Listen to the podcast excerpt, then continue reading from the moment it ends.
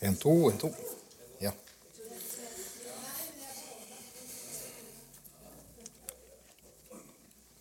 Ja. Dette er eh, barndomslære. Dere føler sikkert det er veldig veldig basic på alt dette her. og Poenget for mitt er jo ikke at jeg skal komme med nye opplysninger i dette, men bevisstgjøre oss hvor viktig alle disse delene er for at vi kan få lov til å leve både i frihet og, og, og få lov til å leve et nytt liv. Frigjort fra fortiden. Jeg har eh, en, en, god eh, kollega av meg i Brasil. Eh, han var eh, torpedo i en by eh, som heter Helle Josef av Egypt. Han var frykta over hele byen. Eh, analfabet og ja, delvis alkoholiker. han ble frelst ja, bare nåde. Det er en veldig rar historie, fordi han som, han som snakka med han, han evangelisten, da, det var evangelist, da, han møtte han på en bar. Og Så utfordra han og sa at du, du, sier du er tøff, liksom. Ja. ja tar du hvilken som helst utfordring? Så ja, jeg gjør det. Ja, for jeg har en utfordring som jeg tror ikke du klarer i hele tatt. Så ja, hva er det? For jeg klarer det ikke sant, uansett. Det tar imot Jesus som din frelser. Så han gikk der, da. Og det ble jo liksom voldsomt for han da, liksom, i det han møter der. liksom, ja, ja, Nei, jeg kan ikke det. Liksom. Ja, der ser du. Du er ikke tøff nok til å ta imot Jesus. Sant? Det blir nesten sånn der Børud-sang. Jeg er tøff nok til å høre til. sant? Men så, så blei han liksom til slutt Ja, ok, jeg skal ta imot Jesus, jeg. Men han hadde ikke en synserkjennelse. Han ble ikke kristen fordi han sa at 'jeg'. Ok, jeg blir en kristen, da. Så ble han på møte. Og alle som var på møtet, visste hvem han var. Så de, alle var livredde fordi de trodde at han hadde kommet på møte for å ta livet av noen. Han en eller annen hadde fått merke på et eller annet som skulle komme dit og ta livet av noen. Eh, men han kom ikke der, selvfølgelig. Men midt under, under prekenen så skjer det noe. Fordi, Jeg husker ikke hva som er talt om den dagen, men, men plutselig under prekenen så skjer det noe. Og så er det akkurat sånn Plutselig så forstår han hvem han egentlig er. Han har visst hvem han er. Og så plutselig ser han sitt liv i kontrast med hva Gud tilbyr. Kontrasten. Som gjør at han begynte å gråte der han satt. Og folk ble liksom, liksom Hva skjer nå? For alle kjente og visste hvem Abel var. heter han. Abel. Eh, og Det ender med at han går fram og tar imot Jesus, og, og på en måte der, der ligger han helt knust. Helt knust. Og hylgråter. Altså, voksen mann. Jeg regner med 40 år som voksen mann. Det Det er ikke ungdom lenger, det. Eh, og når han reiser seg opp, så er han, er han, er han helt annerledes. Han går hjem til kona, og kona lurer på hva han, hvor han har vært. og sånt, og han kommer så sent, og hvilken dame han har vært sammen med. eller eller annet. Så sier han at han blir kristen, og hun bare ler av ham. Eh, og Så går det ei uke, og han kommer på møte. han kommer, I dette samtalet så, så endrer Gud han på en slik måte at det er, det er bare et, under. Så I løpet av kort tid så ble jeg satt som, som, eh, som står i døra og ønsker folk velkommen. Men det måtte man slutte med, fordi folk turte ikke å gå inn. fordi de visste hvem han var. Så det, liksom, så, det, var liksom dårlig strategi å ha han til å ønske folk velkommen. Men, men, det som er at jeg, jeg traff jo han i de øyeblikkene der. Jeg var innom den utposten der eh, stadig vekk. Og, og, jeg så hvor forandra han ble. Ble og det er liksom det, det, det guddommelige. ikke sant? Og Han var en torped, og han har liv på samvittigheten, sier han, men han, han tør ikke å si så mye, mye mer om det. Men han, hva for alle i byen, hele Josef av Egypt, det er over 30 000 mennesker i byen, de kjente jo han. Fordi han, han, eh, han var en sånn revolvermann. Dette er ute i det ørkenområdet hele Josef. Og det gjør at ja, etter det har gått ja, seks måneder, jeg kommer inne en gang i måneden og besøker menigheten og holder på samtidig som jeg leder, så, så hvert eneste møte så gråter han. Så til slutt prater med han og sier hvorfor gråter du? Han sier jeg veit ikke. Jeg, jeg, har aldri grått i mitt liv, sa han. Men etter at jeg ble kristen, så gråter jeg hvert eneste møte, sier han. Han står, sitter et eller annet, så, så sitter han bare og gråter i møtet. Og så Etter hvert så begynner Gud å gjøre ting i hans liv. Han sier at han begynte å prøve litt på gitar, og så lærte seg å spille gitar. Og så begynte vi å undervise i lesing, så begynte hun å lære seg å lese og skrive gjennom Bibelen. Og så plutselig, etter ett år, så er ABH der. Han leser, sånn, litt sånn forsiktig i Bibelen. Og så synger han som en evangelist. Har lagd egne sanger og har lagd sanger. Og er, og er aktiv. Et liv som er helt annerledes. Her er jo selvfølgelig en veldig stor kontrast fra vår, alle våre bare, hvert for de fleste regner med Jeg kjenner ikke alle her, selvfølgelig, sånn sett, men, men det er liksom ikke der vi kommer ifra. Men jeg vil bare vise deg hvordan, hva Gud har gjort. Og det gjelder ikke, ikke bare for Abeo eller for, eller, eller for, den som på en måte er rennesteina i Drammen. Det gjelder for hver eneste en av oss. Det har Gud gjort og forberedt for oss et liv som er fri ifra det som var.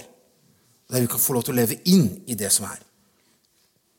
Og Noen ganger trenger vi å bli møtt i døra for å se at vi er blitt litt religiøse. og Vi, blitt, vi tar ting for gitt. Sant? Vi er bare en kristen, og vi er der vi, fordi vi kan og vi leser og vi, og vi ber. og sånt. Men det er altså hva Gud har gjort. Det er Gud som handler i oss, som rettferdiggjør oss. Og i denne rettferdiggjørelsen, så står det her i profeten Mika, vers, vers, eh, kapittel 7, vers 19. Eh, så står det sånn Herren skal igjen vise barmhjertighet som et profeti mot oss. Og trå våre skyld, eller vår synd, under føttene. Det er min oversettelse. Da skal alle våre synder kastes Eller da skal eh, du skal kaste alle våre synder ned i havets dyp. Det er 2011-oversettelsene. Altså Herren skal kaste alle våre synder vekk. Havets dyp er et bilde på forglemmelsens hav. Alt det du har sagt, alt det du har gjort, alt det som var, det er borte. Det er lagt til side. Det er ikke noe mer. Så når Gud ser deg, så ser han deg i Kristus. Det er det rettferdiggjørelsen gjør. Og som er så viktig for at mennesker skal være fri, få lov til å leve et liv som er frigjort. At jeg ikke trenger å skamme meg. Jeg trenger å gjemme meg for Gud eller for andre. Og vi trenger Gud til det. Så til slutt her av de punktene her, før jeg går over til den andre delen, er eh, det å forstå at vi er adoptert. Så det opplevelse av rettferdiggjørelse er det Gud gjør for oss. Eh, det å forstå at vi er adoptert, det er hva Gud gjør med oss. For det er veldig interessant dette her med at om Gud frelser oss, om Gud tar bort vår synd og vår skyld, så behøver han ikke og behøver han ikke å gjøre oss til barn, hans barn. Englene er ikke regna som barn. Her er det mange skapninger som han har skapt, men gjør ikke dem til barn. Så om Gud har rettferdiggjort oss, så kan vi bli frelst ved det at vi, vi på en måte blir rettferdiggjort. Vi får lov til å leve en evighet på en eller annen måte, eller på en måte leve syndfri på en eller annen måte i en evighet.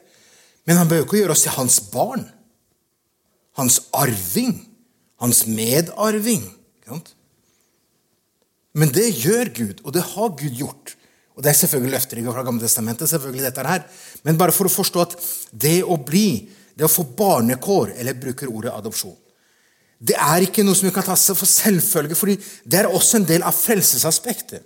At du er Du har fått et nytt liv. Du er født på ny igjen. Og der, i det at du har blitt rettferdiggjort for all din synd, og så har du blitt innført inn i Guds familie. Du er hans barn.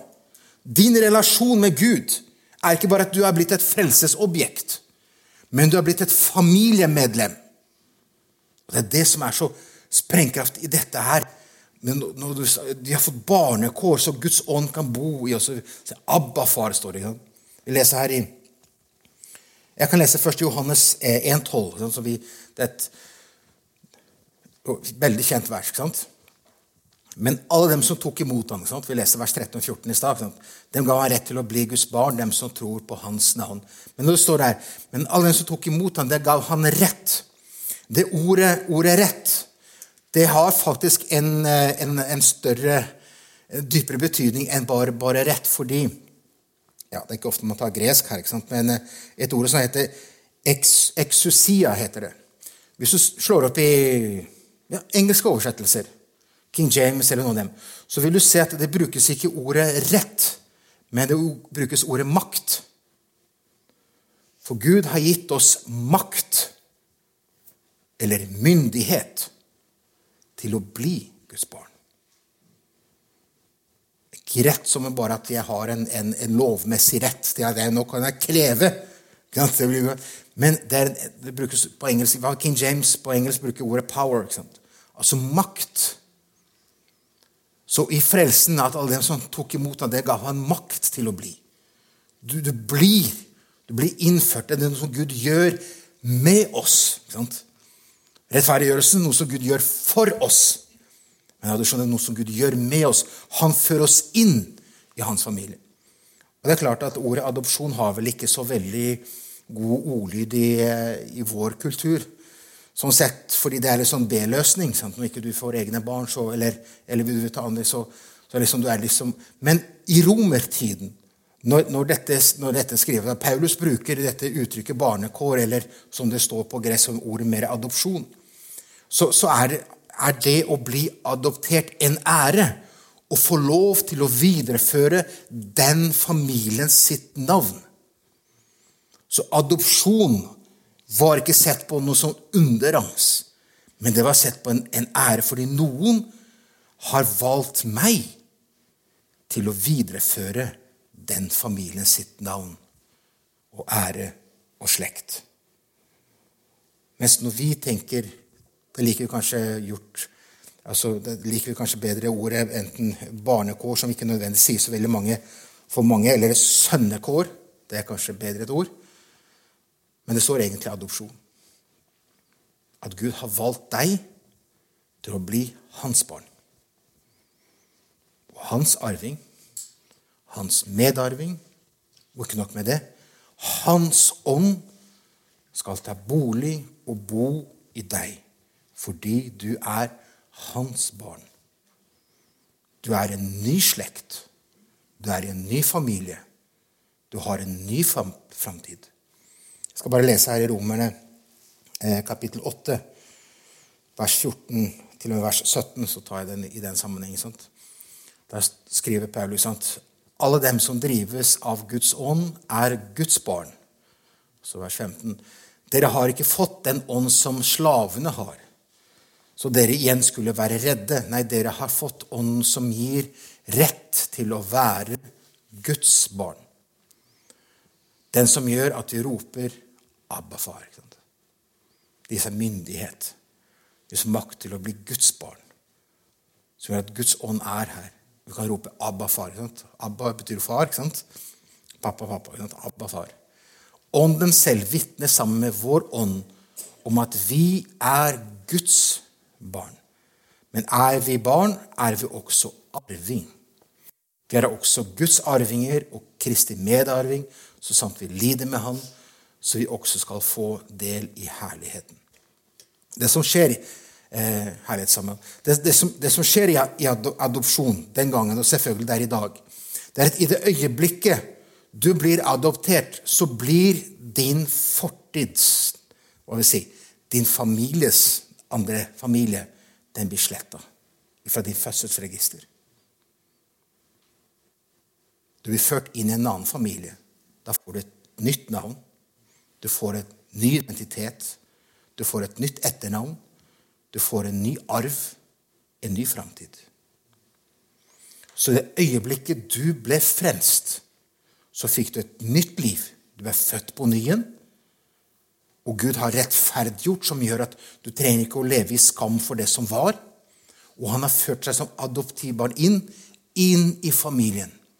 Det vil si at livet ditt, i det øyeblikket du tar imot Jesus, så er ikke du lenger hva du var. Du er en ny, et nytt menneske. Nytt familiemedlem i Guds rike. For oss er det liksom Ja, flott, men det er liksom vanskelig vanskelig å catche det helt. Fordi vi, vi, er der vi er, og vi lever der vi er. ikke sant? Ja, I dag er det onsdag. Ikke så veldig annerledes fra tirsdag Eh, en god venn av meg, Matthew Ambalatil, han reiste en periode som predikant i Det frie i Oslo. Han gikk opp Ansgar-skolen sammen med meg. Og han, ble, han er inder. Eh, og han ble, ble frelst i, i, India, selvfølgelig, når han vokste opp der. Hans foreldre er, eh, var hinduer. Så alle barna jeg husker ikke hvor mange søsken har, men alle barna hadde navn av en hindugud. Det var vanlig. Sant? Alle barna hadde navn av en hindugud. Men så ble han frelst en pinsemenighet i eh, jeg vet ikke om det var Calcutta eller hvor det var han vokste opp. jeg husker ikke akkurat nå. Og I det øyeblikket han ble frelst, tar imot Jesus, går fram og bøyer sine knær. Og så, så, kommer pastoren bort til han og ber frelsesbønn sammen for hele menigheten. Så reiser han seg opp og så sier her har dere, sa han navnet hans før. Sant? Han er død nå. Fra og med i dag heter du Matthew. Fra og med i dag heter du Matthew. Så endra han navnet sitt til Matthew. Og Det har de som vane der i menigheten at fra og med du ble frelst, så fikk du et nytt fornavn. Selvfølgelig har du kulturelle ting, fordi mange har et navn som er tilknyttet en eller annen hindugud. eller et eller annet sånt. Men, men, det er bare veldig interessant, fordi det, det skaper en veldig bevissthet. At i øyeblikket du blir født på nyen, så er du et nytt menneske. Jeg tilhører ikke lenger meg selv. Jeg tilhører Kristus. Jeg lever ikke lenger for meg selv, men jeg må leve for Kristus. Så i det øyeblikket jeg i min hybel borte i Arsgårdstrand, der jeg var den gangen, på en måte ga kontrollen over og erkjente mitt liv Idet jeg reiste meg opp fra de tårene og alt det som jeg ga mitt liv, så er det ikke egentlig Geir Standal som reiser seg opp. Det er en ny skapning. Jeg skal ikke bære Standal-navnet videre. Jeg gjør jo det. Jeg skal bære Guds navnet videre. Jeg skal bære Guds rike videre. Og Det er det som gjør at i den hovedteksten vår fra 2. Korinterne kapittel 5 og vers 17, ikke sant? der Paulus i den sammenhengen snakker om eh, dette, dette, nye livet som vi, som vi har fått. Dersom noen er i Kristus, der er han en ny skapning. Eller der er han en ny skapning. Det gamle er forbi, se alt er blitt nytt. I, den, i det siste, det kapitlet der fra vers 12, tror jeg, og nedover, og spesielt fra vers 14. Men da snakker Paulus om hans motiv for tjeneste. Han snakker om Kristi kjærlighet tvinger oss. For da snakker han om hvis en er død eh, Så står det bare så får det riktig her. Første Korinterne, eller beklager, andre Korinter, kapittel 5. Ja, En er død for alle, og derved har alle dødd, står det i kapittel 5 og vers 14. Altså For Kristi kjærlighet tvinger oss i det, i det dette er avgjort. En, er død for alle, derved er, er alle døde. Og han døde for alle for at de som lever, ikke lenger skal leve for seg selv, men for Han som døde og oppreiste dem. Så kjenner vi fra nå av ikke noen etter kjødet, altså som vanlige mennesker. Har vi òg kjent Kristus etter kjødet? altså det vil si at For her snakker han til folk som på en måte kanskje levde på nøyaktig Jesu tid, og så så Jesus i Jerusalem. sant? Så derfor, om vi har kjent Jesus i kjødet, om vi har sett han levende, ikke sant, så gjør ikke vi det eh, lenger. Så kjenner vi nå ikke lenger slik. Derfor, om noen er i Kristus, da er en ny skapning. Det gamle er forbi. Alt er blitt nytt. Men alt dette er av Gud, Han som forlikte oss med seg selv ved Kristus og gav oss forlikelsens eller forsoningens tjeneste, som det står der. Det var Gud som i Kristus forlikte verden med seg selv, så han ikke tilregnet dem deres overtredelser, og la ned i oss ordet om forlikelsen. Så han ikke lenger tilegner dem deres overtredelser. Så du ser hvor omfattende alt dette er, hva Gud har, har gitt oss. Dette er Gud som handler. Så, så, vi er døde fra oss selv. Så det er ikke så Geir Standal skal ikke leve for Geir Standal og for Standal-slekta. Jeg skal leve for Jesus. Og det er ikke helt enkelt. Ja. Men jeg skal videreføre navnet Jesus. Og det er det for oss alle som har tatt imot Jesus, født på ny igjen. Du skal ikke leve for deg selv. Du skal få leve for Han som gjorde deg levende. Fordi du var død, vi var død ved våre overtredelser. Vi lå under dommen. Om ikke det hadde vært for Guds nåde som nådde oss, så har ikke dette vært noe særlig positivt møte i dag. Da hadde det bare vært akk og ved. Det går nedenom og hjem for oss alle. Men på grunn av Hans nåde sånn, så forsonte han verden med seg selv. Sånn. Det er jo, Jeg må bare stoppe her, ellers blir det masse greier her. Men det er, jo, det, er jo, det er, jo, en av de store eh, læremessige tekster her i Nytestamentet som omhandler om forsoningen. Altså Det er Gud som handler. Det er Gud som forsoner. Sånn, før verdens grunner var belagt, sier Paulus i Efeserbrevet kapittel 1, vers 3 og videre.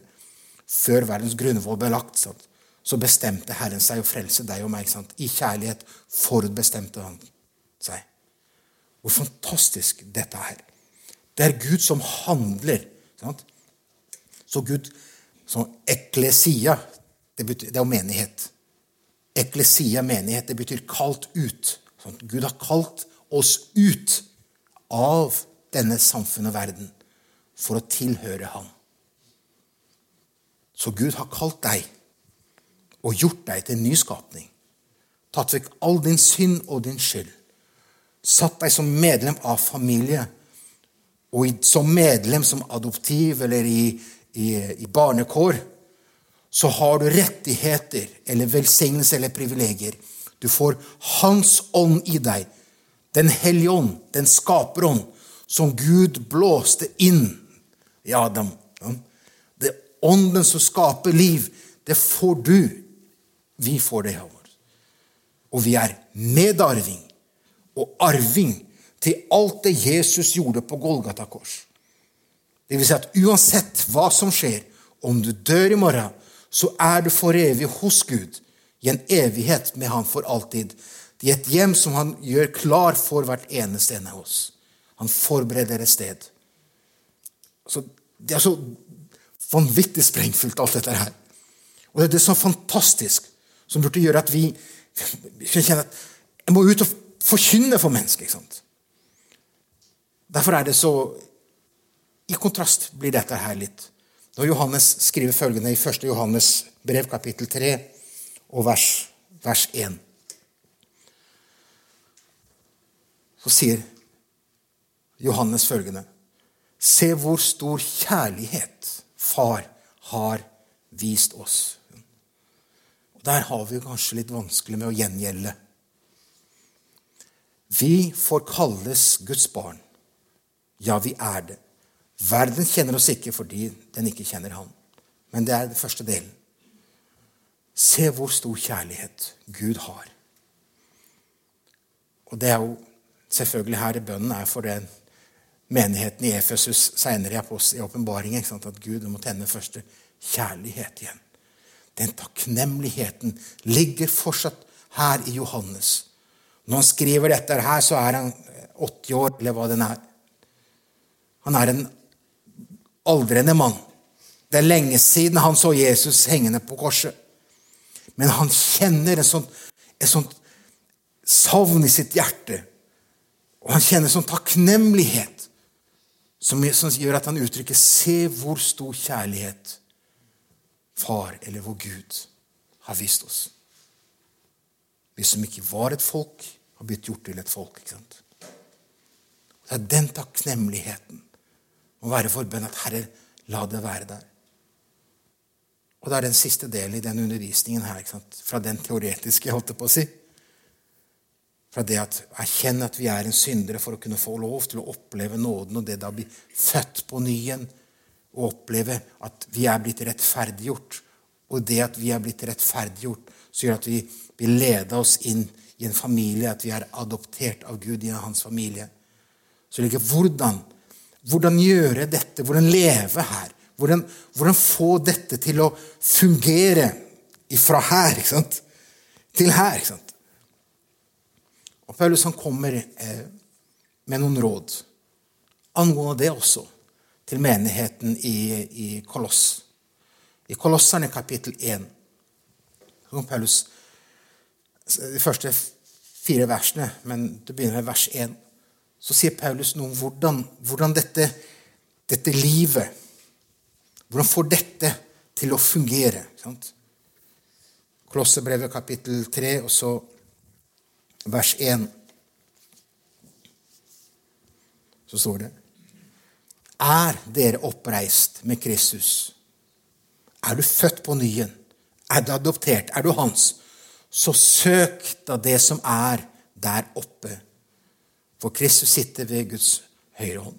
Det å søke, det å ha fokus, det å, ha, det å se oppover. Ikke se på livet bare her og hva som er her og nå.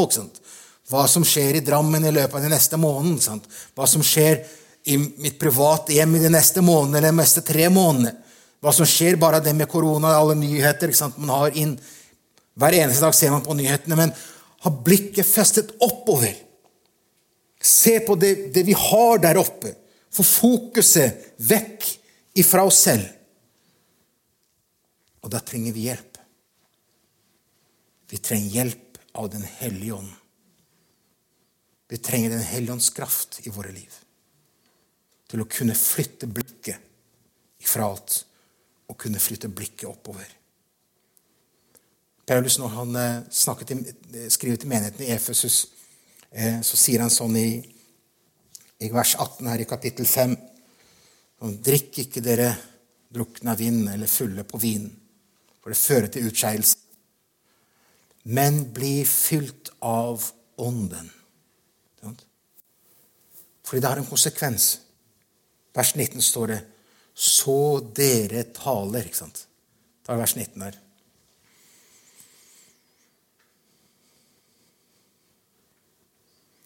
For det blir en konsekvens av det å bli fylt av Ånden. Så blir konsekvensen av det Ånden gjør.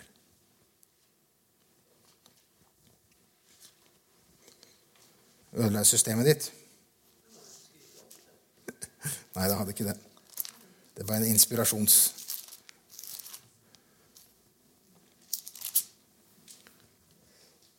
Så dere taler til hverandre med salmer og lovsanger og åndelige sanger og synger og spiller for Herren deres hjerter. Jeg skal lese videre her, så slipper du å gå ned. Og alltid takke Gud og Faderne for alle ting i vår Herre Jesu Kristi navn. Underordne dere under hverandre i Kristi frykt. Så når Paulus skriver dette her, så er det ikke punktum på gresk. Dette er et helt avsnitt. Han skriver om dette, at du blir fylt av Ånden, så står det om når dere taler, dvs. Si hva dere gjør i møte. Og så snakker han videre, så snakker han om fellesskapet, hvordan man, man, på en måte forholder seg til hverandre. Og så videre sier han vers 22 så står det ektefolks plikter, og mot hverandre står det dere hustruer underordner dere hverandre.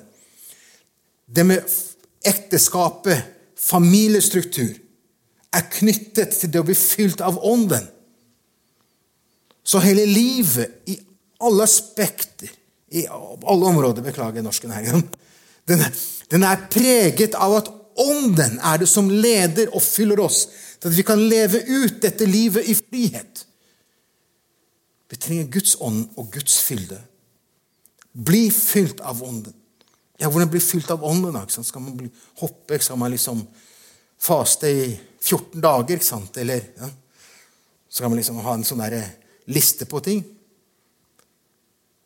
Det å bli fylt av, av ånden handler først om å være ærlig med Gud og si 'Herre, jeg er tom'. ikke sant?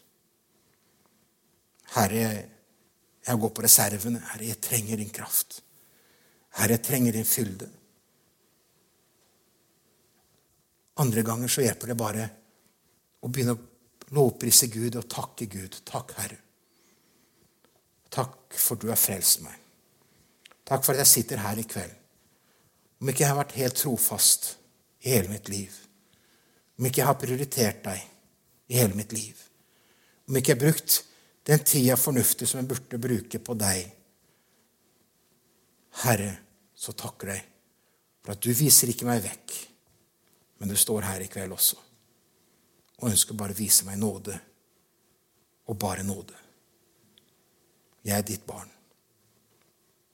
Så kjenner man at det kommer en takknemlighet Det kommer kanskje tårer. Jeg ønsker bare å gråte innenfor Herren.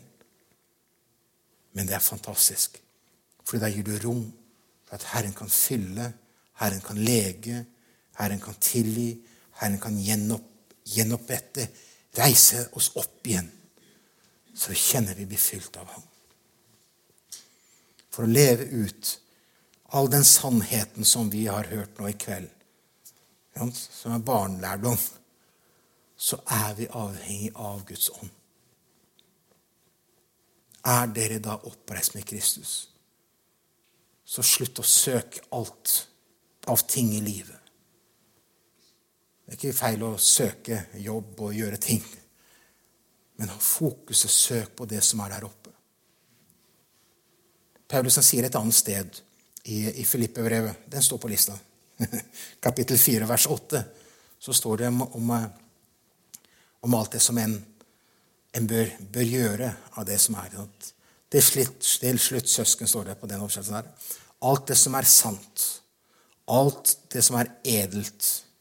Jeg legger til sant? alt det som er rett. Og alt det som er rent.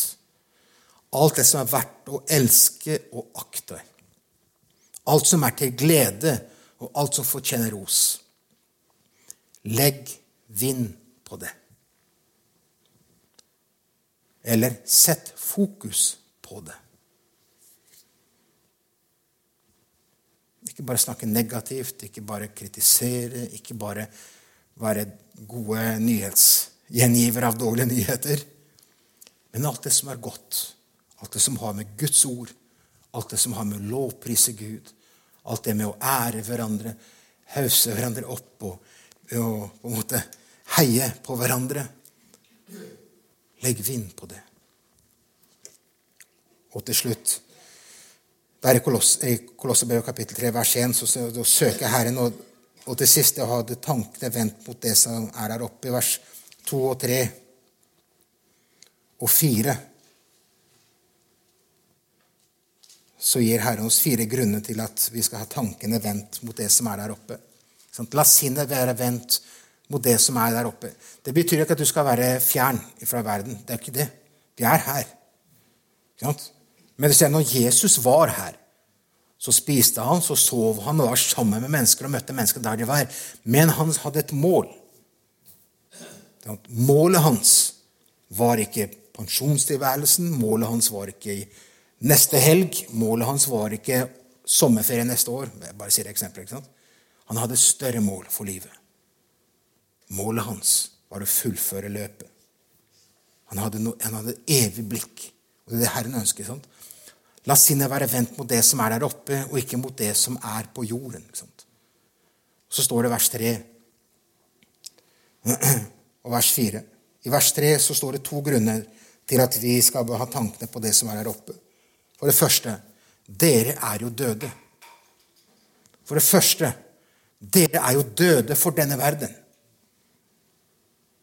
Dere er det. Dere er fremmede. Dere er utlendinger. Dere er asylmottakere, holdt på å si. Altså, dere er emigranter. Dere er utlendinger i Drammen. Det er ikke bare pakistanere eller hvem det andre du som er kristen har fått Jesus Kristus som din frelse, du er adoptert, du har fått en ny familie Du er fremmed i Drammen. Du er en utlending her. Det. Du er død for denne verden. Du lever ikke lenger for den. Der skal blikket rett oppover. Du er, du er død. Du er fremmed. Det er like godt å akseptere det. Du er like fremmed her, og enda mer fremmed enn en, en somalier er. Og den andre grunnen til å ha blikket festet på det som er der oppe, ser du her i videre vers 3. Fordi du har Deres liv er skjult med Kristus i Gud. Altså, du er der, skjult i Kristus. Gud ser deg gjennom Kristus. Så når Gud ser deg, så ser han Jesus. Perfekt. Rettferdiggjort adoptert. Ditt liv er skjult. Du skal ikke være redd. Og en dag så skal ditt liv åpenbares i en evighet hos Gud. Og den tredje grunnen til at vi har tankene vendt mot det der oppe, står i vers 4. Men når Kristus, deres liv Tredje grunn er Jesus er vårt liv. Han lever ikke lenger selv. Paulus i alle sine brev har en veldig sterk fokus på Jesus. Jesus er livet. For meg er døden en vinning, sier han på slutten her. Men for meg er det å leve Kristus. Og døden er vinning. For Paulus hadde forstått det, ikke bare med tankene, men med livet, at han er fremmed, han er utlending. Han er fremmed i denne verden. Derfor er ikke livet Romerriket for han. Derfor er livet for Paulus Jesus. Og døden er ikke tap, men det er et vinning. Det er den tredje grunnen til at vi skal ha blikket vendt mot det som er oppe, at Jesus er livet.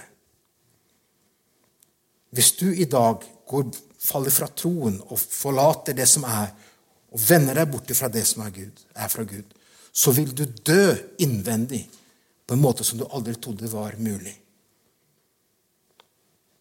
Vi alle kjenner kanskje noen frafalne. Og det er interessant, Når en kristen faller, så faller han dypt. Det er som om mørkets rike kommer skyldende over livet til en tidligere kristen. Jesus er livet. Og for det fjerde og siste, før jeg avslutter her liksom, Grunnen til at vi skal ha tankene vendt mot det som er der oppe, står i siste delen av vers 4. Og det er fordi han kommer igjen. Men når Jesus Kristus, eller når Kristus, deres liv, åpenbarer seg, da skal også dere bli åpenbart i herlighet sammen. Jesus, han kommer igjen. Det kommer en onsdag der det ikke er møte her. Det kommer en søndag der dette lokalet står tomt. Det kommer en søndag, kommer en dag, der det ikke er flere møter her på familiekirken. Ingen flere høstplaner, ingen vårplaner, ingen juleplaner. Det kommer en dag der det er slutt. Når Herren henter sin menighet. Herren kommer, og han kommer snart. Derfor bør blikket vendt mot det som er der oppe, og ikke bare på det som vi har her på jorden. Amen. Så hvordan leve ut denne sannheten som var så basic til å begynne med? Med at vi er født på nyen. Vi er rettferdiggjort, vi er adoptert. Vi er ført inn i et dyr. Det har Gud gjort for oss. Det, det gjør Gud i oss i adopsjon. Vi er blitt innpodet i treet. Hvordan leve dette ut? Ved å ha blikket vendt mot det som er der oppe. Og hvordan vende blikket mot det som er der oppe? Det er ved Den hellige ånds kraft i livet. Herre, fyll du meg med din ånd, Herre. Så sannheten, så ditt ord, blir levende i mitt liv. Det er ikke bare en bekjennelse, en trosbekjennelse, men en sannhet som jeg kan leve i. Jeg må avslutte her, ellers så begynner man på nytt i nesten. men men er det noen spørsmål, er det noen kommentar i dette, eller Kanskje litt brått på? det kjente litt sånn ja. Jeg vet ikke åssen det er med deg, da, men man kjenner, man kjenner Guds ånd er til stede. Fordi vi snakker om det som Gud har gjort, så kjenner man liksom at, at Gud er til stede. Man kjenner at Gud han ønsker noe i våre liv. Han ønsker at vi skal leve alt det han har gjort ferdig og klart for oss. Og Hvis du er bundet av ting, av det som var, og hvis du kjenner at ting er bare et, et mas, eller du kjenner bare frykt Eller kanskje du kjenner at du egentlig aldri har tatt et standpunkt eller aldri gitt over ditt liv, eller Så er Jesus her. Han kjenner våre liv og kjenner ditt liv. Han ønsker å sette deg fri fra det som er, eller han ønsker å tenne gløden og brannen igjen om du trenger det. Men han ønsker at du skal få lov til å leve i denne gaven han har gitt deg. For Herren er her nå ved sin ånd. Jesus. Vi kan kanskje bare be sammen istedenfor å ta spørsmål, da. Er det greit? ja. Jesus. Så legger du ditt liv innenfor Herren. Du behøver ikke å si noe høyt, du behøver ikke å si det noe høyt her, men du legger ditt liv innenfor Herren. Alt det du har hørt her i kveld. Om det er noen her som ønsker å, å lede bønn, så er det frimodig nå. også. lede bønn i, i takk til Gud. Så har vi det åpnet nå, nå i avslutninga.